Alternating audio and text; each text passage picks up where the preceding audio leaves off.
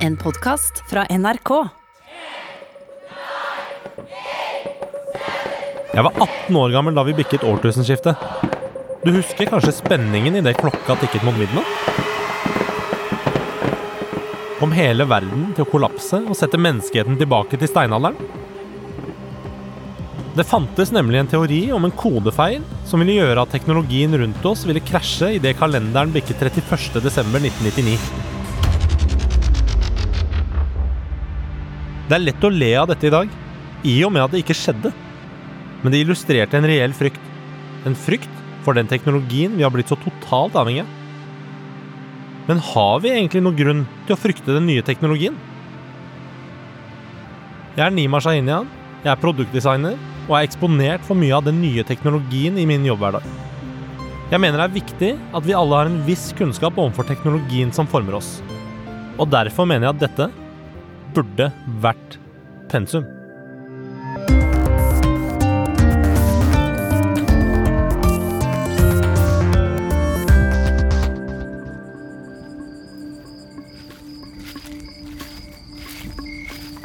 Hjul, steinhus, demninger, skip, hest, bål.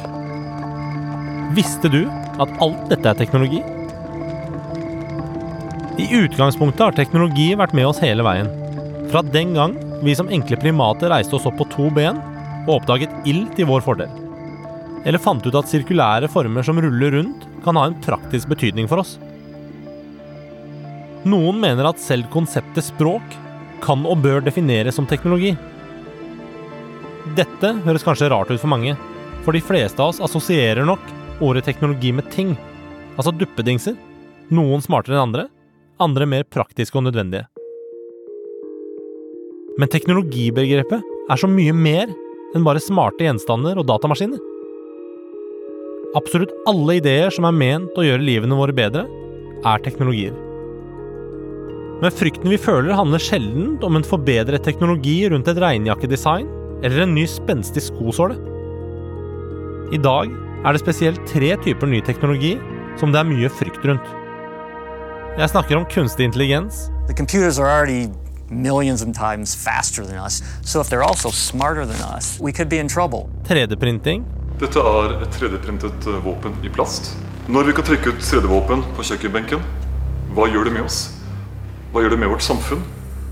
og blokkjedeteknologi. Det er enorm interesse for å investere i virtuelle penger, eller såkalt kryptovaluta. Men mange er blitt svindlet, advarer Økokrim. Jeg skal fortelle deg mer om disse temaene for å se om vi faktisk har noe å frykte. Men før det skal jeg vise deg en av de store grunnene til at teknologi fort kan bli litt skummel.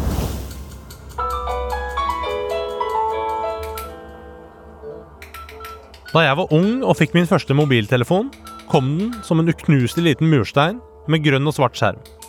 Et svært vippelokk som beskyttet tastene, og en antenne. Ingen internett, ingen fancy apper og definitivt ingen selfie-muligheter. Bare muligheten til å kunne ringe og sende SMS. Og spille Snake hvis batteriet holdt. Rundt 15 år senere sitter jeg hjemme i lenestolen min med et magasin i hendene og leser et sånt gammeldags blad med glossy papir, bilder og tekst.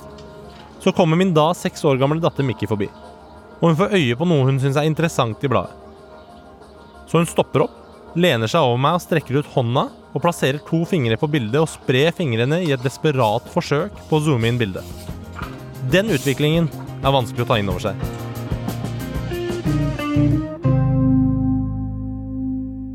For å sette den enorme veksten i perspektiv, så er en typisk smarttelefon i dag flere millioner ganger så kraftig som datamaskinen om bord på Apollo 11. Datamaskinen som styrte romskipet som landet de første menneskene på månen i 1969. Så kanskje er det veksten vi frykter, og ikke teknologien i seg selv. Og nå har jeg kommet fram til det jeg egentlig vil snakke om, nemlig tre av de nye teknologiene og som mange frykter. Først ut kunstig intelligens. En ny teknologirevolusjon kobler nå roboter, intelligente IKT-systemer og mennesker sammen på helt nye måter og endrer arbeidslivet fundamentalt. En tredel av norske arbeidstakere kan bli erstattet av maskiner, sier teknologene. Folk frykter for jobbene sine, sitt personvern, de frykter å bli lurt gjennom forfalskninger, og det mest ekstreme tilfellet at maskinene tar over verden. Eirik Solheim fra NRK Beta er på besøk hos oss. Vi har prata om kunstig intelligens, og det store spørsmålet er jo Kommer robotene til å ta over verden, sånn som på skrekkfilm? Ja. Ja. Selv kjente personer som Elon Musk, Stephen Hawking og Bill Gates har tidligere uttalt alvorlig bekymring for denne teknologien. Og dette retter seg spesielt mot superintelligens. For hva om teknologien blir smartere enn oss selv?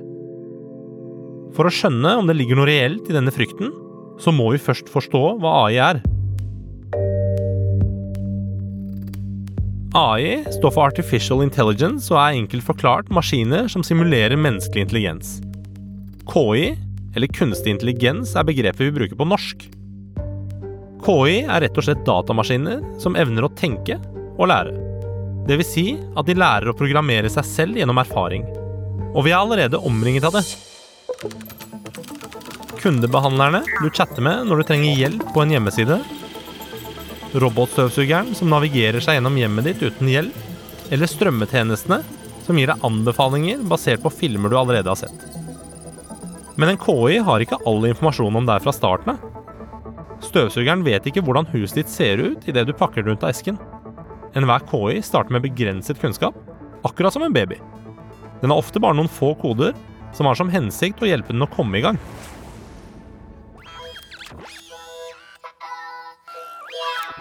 La oss si at man plasserer en KI i en robotkropp med to ben, men vi lærer den ikke å gå. Vi bare plasserer den på gulvet. Da vil den ha nok kunnskap, altså koder, til å forstå at den kan forsøke å komme seg fra A til B. Men hvordan den skal gjøre det, er ikke kodet inn. Det må den finne ut av selv. Da vil den forsøke alle alternativer helt til den finner den beste måten å flytte seg fra A til B på. Den vil kanskje prøve å åle seg først, og finne ut at det ikke er så effektivt. Kanskje den prøver å krabbe i mange ulike varianter? Poenget er at den vil prøve og prøve helt til den finner den mest optimale måten å bevege seg på.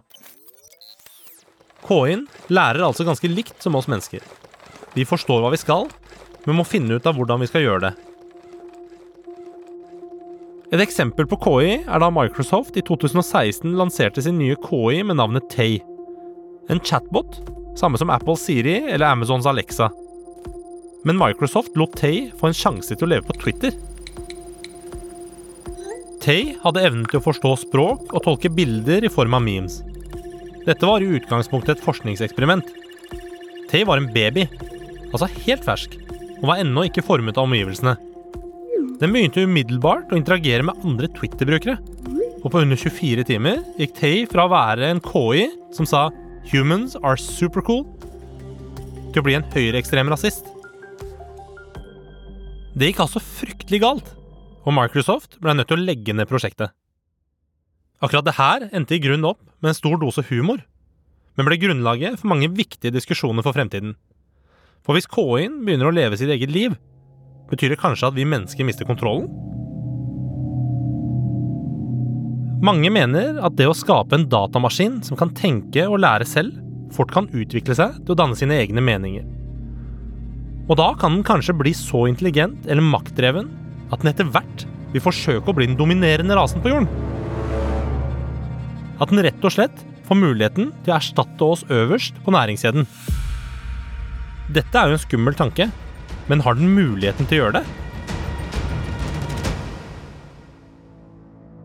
Dagens KI har fortsatt noen mangler. Den mangler noe vi mennesker har. Og det er en frontallapp. Frontallapp er den fremre delen av hjernen, den delen som ligger foran i panna.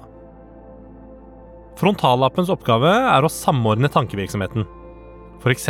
gi oss evne til å planlegge, kontrollere impulser, dømme mellom rett og galt, samkjøre de viljestyrte handlingene og ikke minst hjelpe oss å føle alle de følelsene som gjør oss til de vi er. Tristhet, samvittighet, forelskelse, empati osv. Uten en frontallapp vil en KI aldri kunne ta over for oss mennesker. Den vil rett og slett ikke evne å tenke som oss.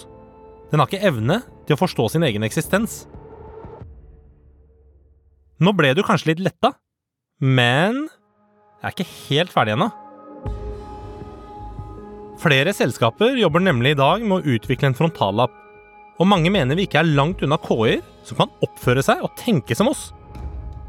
KI-er som kan bli forelsket, sinte, skuffa, legger lumske planer og blir slemme eller snille.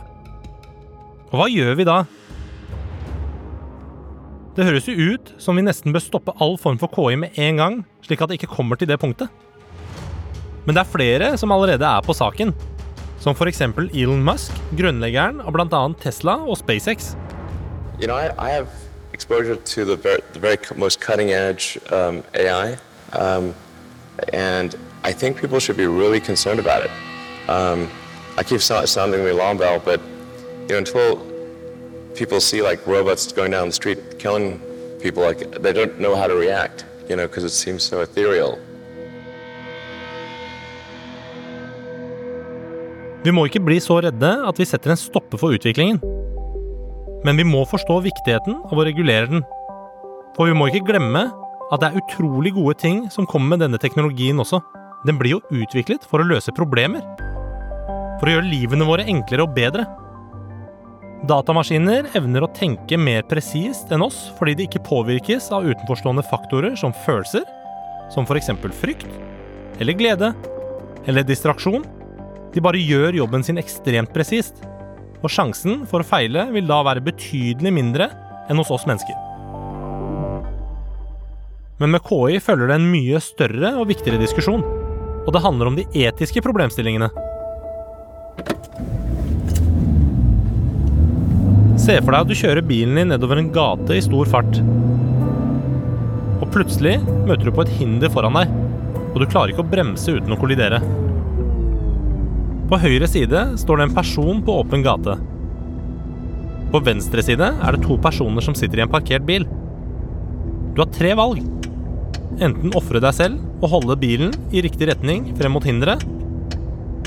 Du kan svinge til høyre og treffe den personen som står der. Da redder du deg selv, men du ofrer vedkommende. Eller så kan du svinge til venstre og treffe den parkerte bilen, som er en mellomvei fordi den parkerte bilen har en større sikkerhetsbeskyttelse enn personen til høyre har. Uansett hva du gjør, vil det være en reaksjon. Fordi vi mennesker reagerer i panikk. Men la oss si at det er en KI som kjører bilen, altså en selvkjørende bil. Det må jo programmeres av noen, fordi det må jo lære å ta en beslutning. Og den beslutningen vil ikke være en reaksjon, men et bevisst valg. Hva er moralsk riktig å gjøre da? Dette har vært diskutert helt siden vi begynte å snakke om selvkjørende biler, og debatten er langt fra ferdig. Det vi vet, er at KI-drevne selvkjørende biler vil i sum gjøre betydelig færre feil enn det vi mennesker gjør bak rattet.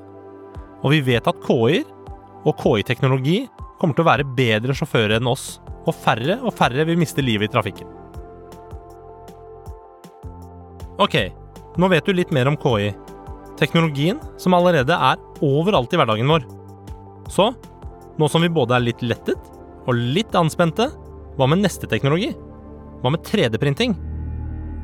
sier du print. Og så lener du deg tilbake er litt tålmodig, så sitter du med noen komponenter som du setter sammen, og så har du skytevåpen. Kanskje du fikk med deg debatten i 2012 og 2013 da den nå 33 år gamle ingeniøren og våpenaktivisten Cody Wilson delte filer til et fullt fungerende håndvåpen. Filer som hvem som helst med en 3D-printer kunne laste ned og printe ut på kort tid. Uten særlig spesialkunnskap. Dette utløste store debatter. Både debatter innenfor definisjonen av våpen og våpensalg, etiske og moralske dilemmaer, og tunge juridiske spørsmål om ansvar.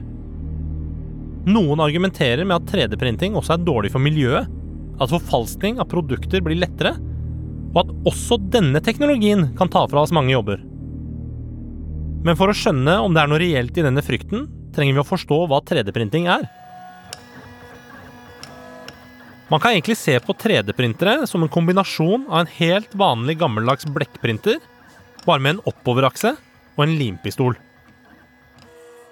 Det en 3D-printer gjør, er å smelte materialen den skal printe med. For så å legge en tynn pølse lag på lag i den formen den har fått beskjed om å lage.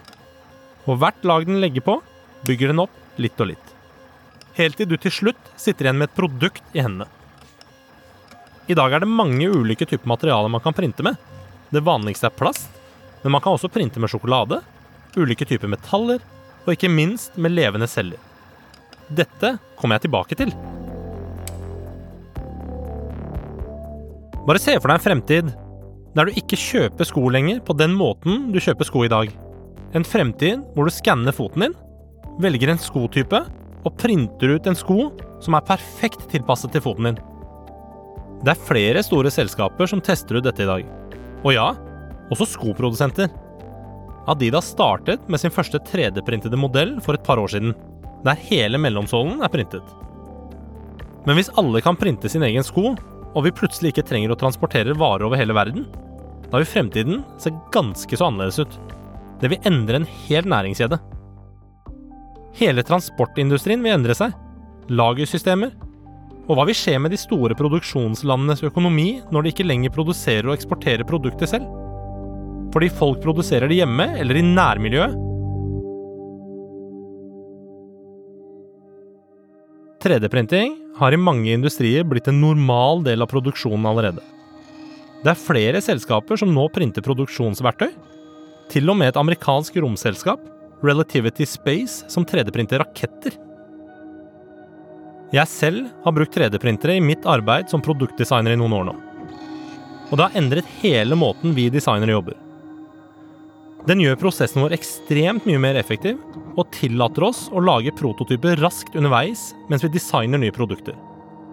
Samtidig er ikke denne teknologien spesielt avansert, eller ny. Den har bare ikke vært så tilgjengelig før de siste årene.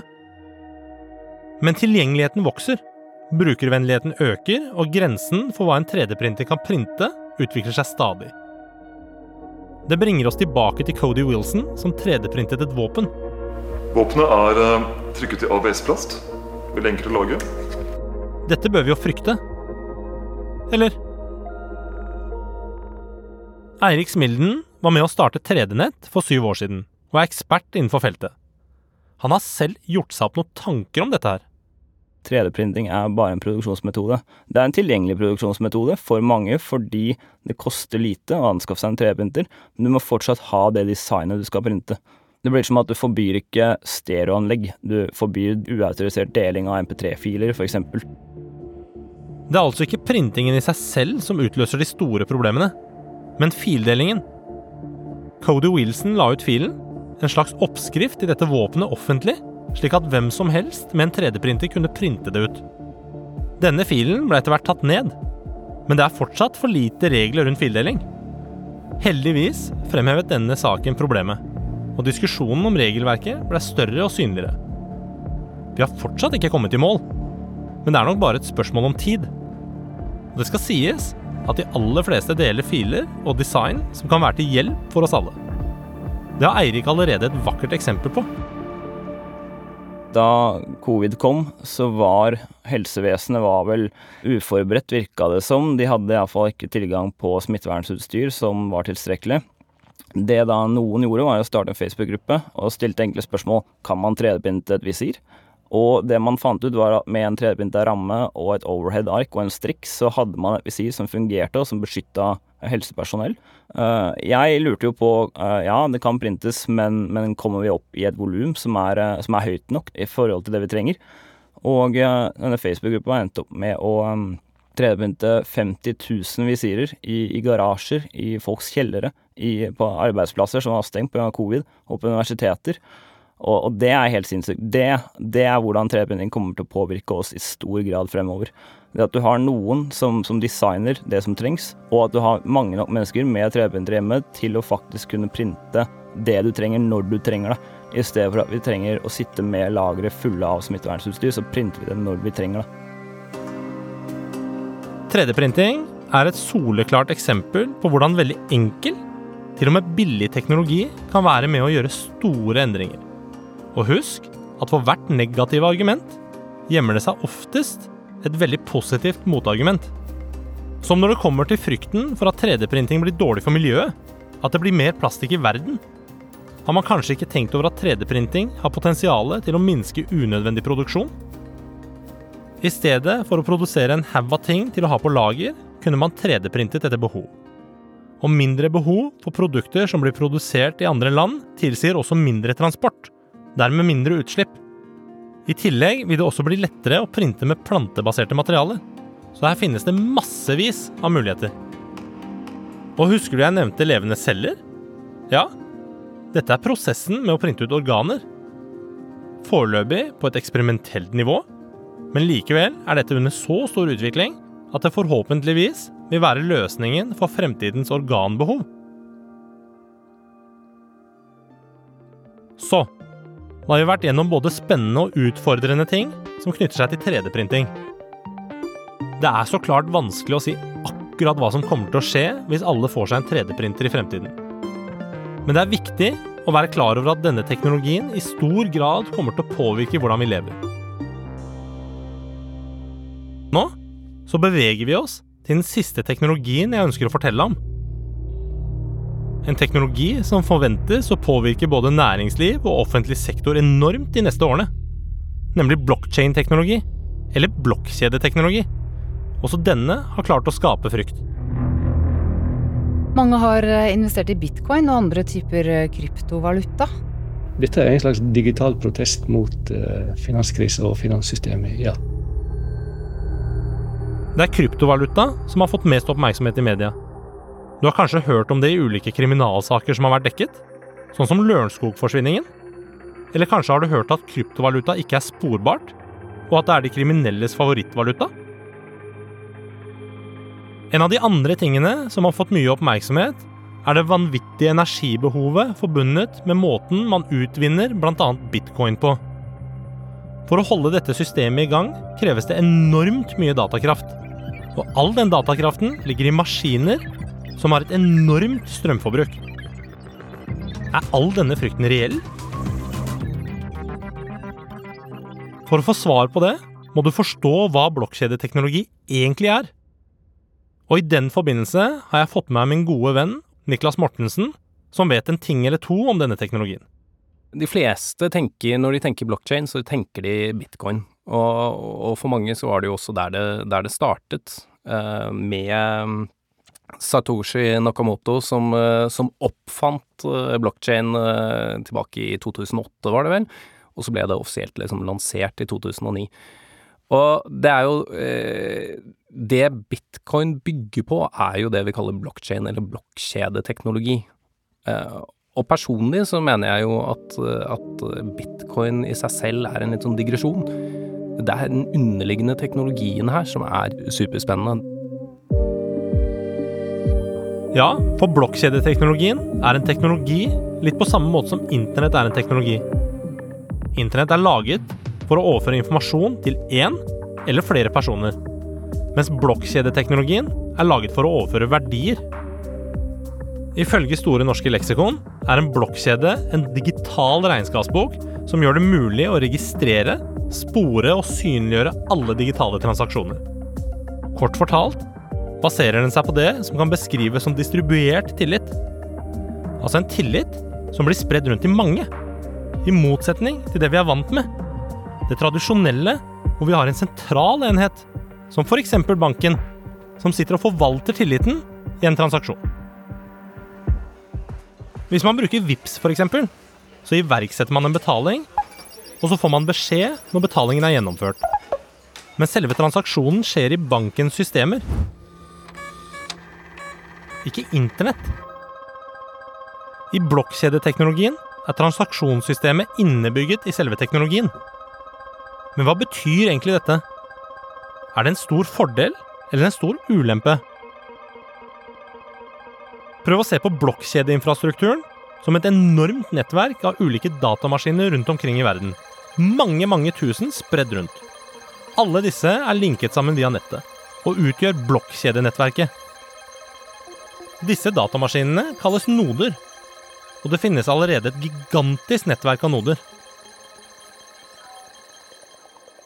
Hvis du ser for deg at hele blokkjedenettverket har et kontosystem, så har absolutt alle nodene i dette nettverket samme kopi av hvordan dette kontosystemet ser ut til enhver tid. En av jobbene nodene har, er å godkjenne at alle transaksjonene er ekte og blir gjort riktig via blokkjedesystemet. Det er tusenvis av noder som alle følger med og sørger for at alt går riktig for seg. Kun når 51% av alle nodene har godkjent transaksjonen, anses den som godkjent. Det betyr at dersom noen vil forfalske en transaksjon, må de hacke minimum 51% av alle nodene i kjeden. Det anses å være så å si umulig. Men hvorfor er det så vanskelig? La oss sammenligne blokkjeden med et godstog. Tenk deg at hver vogn er én blokk i kjeden. Og hver vogn er sammensatt av tre ting. Én den inneholder. Hver vogn har jo en verdi inni seg. To en lenke til den vogna foran. Og tre en lenke til den vogna bak. Men vogna inneholder enda en kode. Altså et unikt tall som kun forteller noe om hvor i godstoget vogna hører hjemme. Er det nummer tre? Eller nummer syv i rekken? Så, hvis noen forsøker å tukle med verdien eller innholdet i vogna, så vil den endre koden som forteller om hvor den hører hjemme. Det er som en slags innbruddssikring. Innbruddet endrer nummeret, og da vil ikke lenger nummeret matche resten av kjeden. Så hvis du har godstoget med vogn nummer 1, 2, 3, 4, 5 Og så prøver noen å tukle med vogn nummer 3, og den endrer seg til 7, så vil tallrekken bli 1, 2, 7, 4, 5. Og derfor vil det fort bli oppdaget at noen har forsøkt å endre informasjonen. Det er nettopp dette som er unikt og gjør at informasjonen til blokkjeden er så trygg. Blokkene i en blokkjede kan også inneholde annen type data enn valuta, som f.eks. ID-en din eller hele helsemappen din. Men synes du kanskje at det høres litt skummelt ut? At en slik teknologi skal ha tilgang til all den personlige informasjonen din? Hvordan skal dette fungere? Her er Niklas. Du kan se for deg at eh, ID-en din ligger i en blokkjede. Uh, og du eier denne. Den er, uh, den er, kun mulig å endre fra aktører som du har gitt tilgang. Det kan være politimyndigheter når det gjelder pass, det kan være helsemyndigheter når det gjelder helseinformasjon. Men utover det så er den uangripelig. Så det bør faktisk gjøre det litt mindre skummelt å ha verdiene sine i et slikt system. I et verdensperspektiv så har denne teknologien potensialet til å bli en stor bidragsyter til å skape tillit der tillit er mangelvare. For når man lever i en del av verden der f.eks. korrupsjon rår, og man dessverre ikke kan stole på myndighetene eller lederne, så er det større sannsynlighet for at man kan bygge opp tillit og stole på tusenvis av noder. Dette får folk som Niklas til å drømme stort. Kanskje mitt, min sånn utopi oppi dette her er jo øh, Tenk om du får et helt statsbudsjett på en blokkjede. All, all informasjon, alle transaksjoner vil være synlige for alle borgerne i dette landet.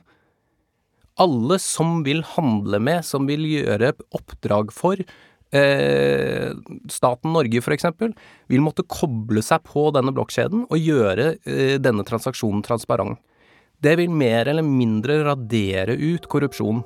Og når man ser på hvor, hvor, stor andel av den svarte økonomien som korrupsjon utgjør i verden, så snakker vi enorme summer. Og i tillegg til korrupsjon har veldig mange i dag også mistet mye tillit til informasjonen vi bl.a. får gjennom mediene. Har du f.eks. sett videoklippet av Barack Obama som sier President Trump is a total and complete dipshit. Ja, da har du sett en videoforfalskning en KI-teknologi som har blitt et økende problem for kampen om sannheten. Men blokkjedeteknologien har mulighet til å hjelpe oss med dette. Her er Niklas igjen. Eh, det vil være mye vanskeligere med denne type teknologien å én, forfalske videoer, og to, eh, kunne hevde at eh, nyheter, bilder osv. er forfalsket. For du vil ha et, et, en validering av den originale kilden. For bare tenk deg at man benytter seg av dette valideringssystemet i blokkjeden, og lar nodene gjøre jobben med å skille mellom falsk og ekte informasjon. Rett og slett validerer den ekte informasjonen fra den falske før den publiseres. Da vil f.eks. en video først vært validert av minst 51% av mange tusen noder og godkjent som ekte før den i det hele tatt når deg. Og husker du problemstillingen rundt fildeling til 3D-printing? Vel, med blokkjedeteknologien må alle filene valideres og godkjennes av nodene før de distribueres på nett.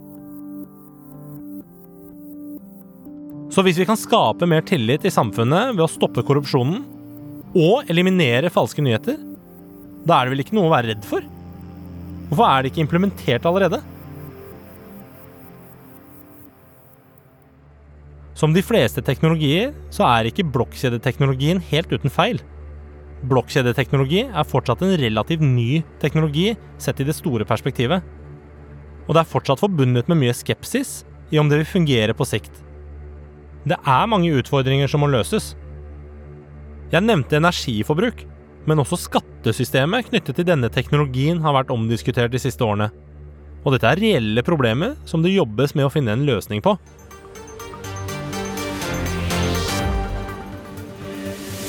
Tom Hagen nekter for å ha noe med drapet på kona å gjøre, etter politiets vending i saken.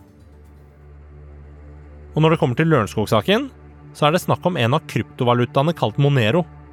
De hevder å være usporbare, men det finnes muligheter for politiet å spore både transaksjonen og alle tidligere transaksjoner.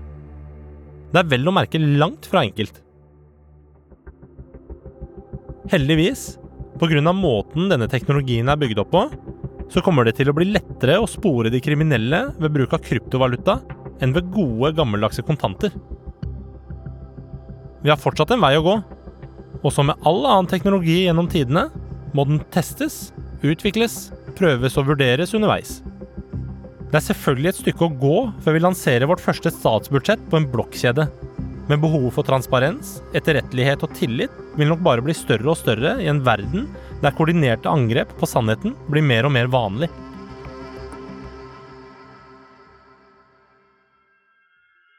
Både KI, 3D-printing og blokkjedeteknologi er blant teknologiene som har kommet for å bli. Akkurat i hvilken grad de kommer til å påvirke livene våre, det vet vi ikke ennå. Men det vi vet, er at det kommer til å få en enda større betydning i livene våre fremover. Så etter alt det vi har vært igjennom, skal vi tro at dagens teknologier faktisk er skumlere enn andre teknologier opp gjennom historien? Nei? Å ja. Ny teknologi er for det meste skummelt når vi tenker på at det utvikles med feil intensjoner. Når den havner i feil hender. Men som vi vet, så har jo denne teknologien muligheten til å gagne oss alle sammen på en positiv måte. Og det ønsker vi vel at skal fortsette. Utviklingen av teknologien får vi ikke stoppa, men vi kan ta del i å forme den. Dette er essensielt for å passe på at den blir utviklet ansvarlig, og på en måte som gagner flertallet. Akkurat som at vi stemmer til valg om hvordan landet skal styres, trenger vi være med i samtalen om hvordan teknologiutviklingen skal styres. Og husk, den beste måten å tilnærme seg frykten for noe nytt, er gjennom kunnskap. Jeg heter Nima Shahinian, og her er tre punkter jeg vil at du skal huske fra denne episoden. 1. Teknologi har alltid vært en del av oss og er kanskje en av de viktigste faktorene som har bidratt til å gjøre oss til den dominerende rasen vi er. 2. En del av den teknologien mange frykter i dag, er allerede en del av livene våre i mye større grad enn det vi tror. 3. Vi har alltid vært skeptiske til det nye, men i stedet for å sitte igjen med frykten, bør vi oppsøke kunnskap. For det er så viktig å danne oss en forståelse for den nye teknologien, så vi kan behandle den ansvarsfullt. Med ansvarlig bruk kan teknologi gjøre livene våre bedre, kanskje til og med være redningen vår. Har du lyst til å høre om flere temaer som burde vært pensum? Følg Burde vært pensum i appen NRK Radio. Burde vært pensum er laget av Lyder Produksjoner for NRK. Produsent Emilie Krogh Johannessen. Research Sigrid Jølstad. Eksekutivprodusent Christian Marstrander. Lyddesign er ved Sondre Myrhol. Musikken er laget av Halvard Hagen og Jens Petter Nilsen. Og ansvarlig redaktør fra NRK, Jan Egil Odland.